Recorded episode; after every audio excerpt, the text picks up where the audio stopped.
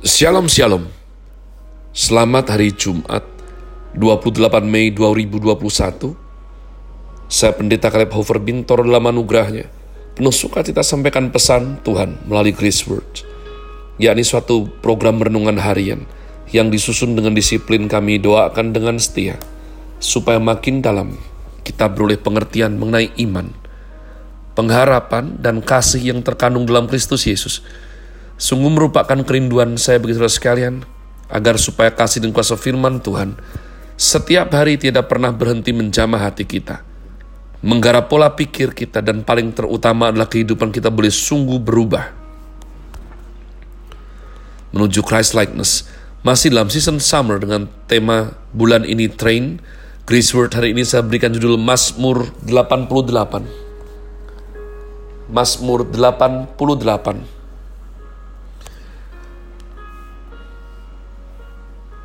Doa pada waktu sakit payah. Nyanyian Mazmur Bani Korah untuk pemimpin biduan. Menurut lagu Mahalat Leanot, nyanyian pengajaran Heman, orang Ezrahi. Ya Tuhan Allah yang menyelamatkan aku. Siang hari aku berseru-seru, pada waktu malam aku menghadap engkau. Biarlah doaku datang ke hadapanmu. Sendengkanlah telingamu kepada teriakku. Sebab jiwaku kenyang dengan malapetaka, dan hidupku sudah dekat dunia orang mati. Aku telah dianggap termasuk orang-orang yang turun ke liang kubur. Aku seperti orang yang tidak berkekuatan. Aku harus tinggal di antara orang-orang mati seperti orang-orang yang mati dibunuh, terbaring dalam kubur yang tidak kau ingat lagi, sebab mereka terputus dari kuasamu. Telah kau taruh aku dalam liang kubur yang paling bawah, dalam kegelapan, dalam tempat yang dalam. Aku tertekan oleh panas murkamu, dan segala pecahan ombakmu kau tindihkan kepadaku. Selah. Telah kau jauhkan kenalan-kenalanku daripadaku. Telah kau buat aku menjadi kekejian bagi mereka. Aku tertahan dan tidak dapat keluar. Mataku merana karena sengsara. Aku telah berseru kepadamu ya Tuhan sepanjang hari. Telah mengulurkan tanganku kepadamu. Apakah kau lakukan keajaiban bagi orang-orang mati? Masakan arwah bangkit untuk bersyukur kepadamu, Sela. Dapatkah kasihmu diberitakan dalam kubur dan kesetiaanmu di tempat kebinasaan? Diketahui orangkah keajaiban-keajaibanmu dalam kegelapan dan keadilanmu di negeri segala lupa? Tetapi aku ini ya Tuhan, kepadamu aku berteriak minta tolong dan pada waktu pagi doaku datang ke hadapanmu. Mengapa ya Tuhan, kau buang aku? Kau sembunyikan wajahmu daripadaku. Aku tertindas dan menjadi inceran maut sejak kecil. Aku telah menanggung kengerian daripadamu, aku putus asa. Kehangatan murkamu menimpa aku, Kedahsyatanmu membungkamkan aku. Mengelilingi aku seperti air banjir sepanjang hari. Mengepung aku serentak. Telah kau jauhkan daripadaku sahabat dan teman. Kenalan-kenalanku adalah kegelapan. Umat Tuhan sekali lagi kita mendapatkan keunikan daripada kitab Mazmur. Saudaraku kau lihat, pasti yang menjauhi daripada pemazmur ini bukan Tuhan. Ya, kenalannya jauh, sahabatnya jauh. Pernahkah engkau mengalami posisi seperti ini? Tiba-tiba orang-orang yang kau harapkan di dekatmu mendukung engkau itu tidak ada, umat Tuhan. Sementara segala kesulitan itu mengepung hidupmu serentak. Luar biasa sekali.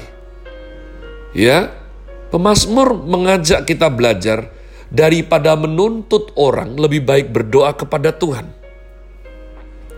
bermasmur, menyanyikan kepada Tuhan segala apa hal pahit ini. Ini hal pahit umat Tuhan. Beberapa tahun yang lalu saya membaca mengenai Aung Suu Kyi ya dari Myanmar. Dan kira-kira sedang terjadi protes besar-besaran untuk menolak pemerintahan militer yang melakukan kudeta terhadap pemerintahan yang menang pemilu secara sah. Setiap orang yang melawan ditangkap, setiap suara yang kritis dibungkam, setiap aksi perlawanan ditindas semena-mena. Ini ciri khas penguasa militer hasil kudeta. Mereka ingin berkuasa penuh, berdaulat mutlak, tanpa adanya protes dan perlawanan. Maka inilah ya suatu asal mula muncul istilah diktator. Nah mungkin karena itu ada yang berpikir bahwa jikalau Tuhan itu berdaulat mutlak, maka kita akan mengucapkan selamat tinggal kepada kebebasan. Tuhan Allah itu seperti diktator di langit. Mana ada yang berani protes? Ya, kalau kamu protes dengan hidup ini, siap-siaplah kamu disambar petir atau tiba-tiba hilang seperti itu diculik siapa. Maka saya rasa Mazmur 88 selain daripada pemazmur mengajarkan kita untuk sekali lagi selalu pegang first cause, selalu doa datang sama Tuhan. Karena pertolongan, perubahan hidup itu kuncinya kalau datang sama Tuhan. Namun satu hal besar lain kita bisa belajar umat Tuhan. Yakni apa? Belajar kedaulatan Allah bukan berarti Tuhan diktator seperti yang kita lihat di Myanmar. Pihak penguasa yang adalah manusia diperlengkapi militer ingin berdaulat penuh. Kalau Tuhan, Tuhan memang berdaulat penuh. Namun melalui Mazmur 88 yang sangat unik, kita akan melihat bahwa Mazmur ini dimulai dengan keluhan dan protes, sampai akhir belum ada resolusi. Kata terakhir dari Mazmur 88 adalah kegelapan. Jadi gelap sampai akhir masih gelap umat Tuhan. Mazmur ratapan lainnya sering kali dimulai dengan gelap, tapi selalu berakhir dengan setidaknya secercah terang di ujung terowongan. Mazmur ratapan sering kali dimulai dengan keluhan, namun ditutup dengan pujian atau sikap berserah. Adanya Mazmur ratapan saja sudah menyatakan bahwa di dalam kekristenan ternyata ada tempat untuk umat Tuhan mengeluh, mempertanyakan kehidupan, mengutarakan kesedihan, kekhawatiran, aduh, bahkan protes pada Tuhan. Indah sekali ya. Tuhan yang berdaulat penuh kok diprotes. Dan orang yang memprotes sering kali memprotes dengan kurang ajar tapi tidak diculik atau disambar petir demikian. Mazmur 88 dan juga 39 mendorong lebih jauh lagi. Karena Mazmur-Mazmur ini, ya langka ini, satunya 88, satunya 39 yang sudah kita tinggalkan, saudaraku. Kita akan ulang lagi tahun depan pas baca lagi. Sebab ini ditinggalkan tanpa resolusi. Jadi seolah-olah Apakah Tuhan itu tidak sensor firman-Nya? Kira-kira gini maksud saya. Tuhan tidak berkata, aduh, ini Mazmur macam apa ini? Umat Tuhan apa ini kok negatif sekali? Umat Tuhan sejati seharusnya tidak ngomong sampai seperti ini kok pahit sampai akhir. Tidak pernahkah belajar yang namanya happy ending? Ya, ini tidak boleh ditulis di kitab suci kita ini. Ini menurunkan moral daripada iman jemaat. Hapus-hapus, sensor saja. Fakta bahwa Mazmur 88 yang gelap sampai akhir ini masuk dalam bagian kitab Mazmur menunjukkan karakter Tuhan kita. Kita melihat Tuhan yang berdaulat mutlak, tapi beliau juga memberikan ruang kebebasan untuk manusia berekspresi, menyatakan isi hati yang terkadang pedas dan pahit umat Tuhan. Hari ini kita belajar. Tuhan kita bukan diktator yang dingin dan kejam. Tuhan kita adalah serupa Bapa yang baik, yang begitu sabar terhadap protes anak-anaknya yang terbatas, yang sulit mengerti rencana dan kedaulatannya, yang sering kali ceroboh melakukan segala sesuai keinginannya. Nanti kalau segala berantakan, tinggal protes dan menyalahkan Tuhan. Bapa menginginkan anak-anaknya yang bebas memilih, taat dan mengasihinya.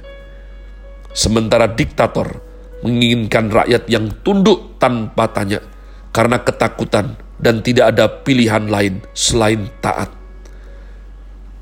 Diktator tidak berdaulat mutlak karena mereka hanya bisa memakai kekerasan untuk mendapatkan ketaatan. Tuhan kita memberikan kebebasan dan Tuhan mengasihi mereka bahkan sebelum mereka dapat taat. Tuhan sudah mengasihi kita. Sebelum seorang Kaleb Hofer Bintoro belajar taat, Tuhan sudah mengasihi saya. Saya ingat hari-hari di mana saya demo habis-habisan, protes kurang ajar kepada Tuhan. Tuhan memakai kasihnya, bukan kekerasan.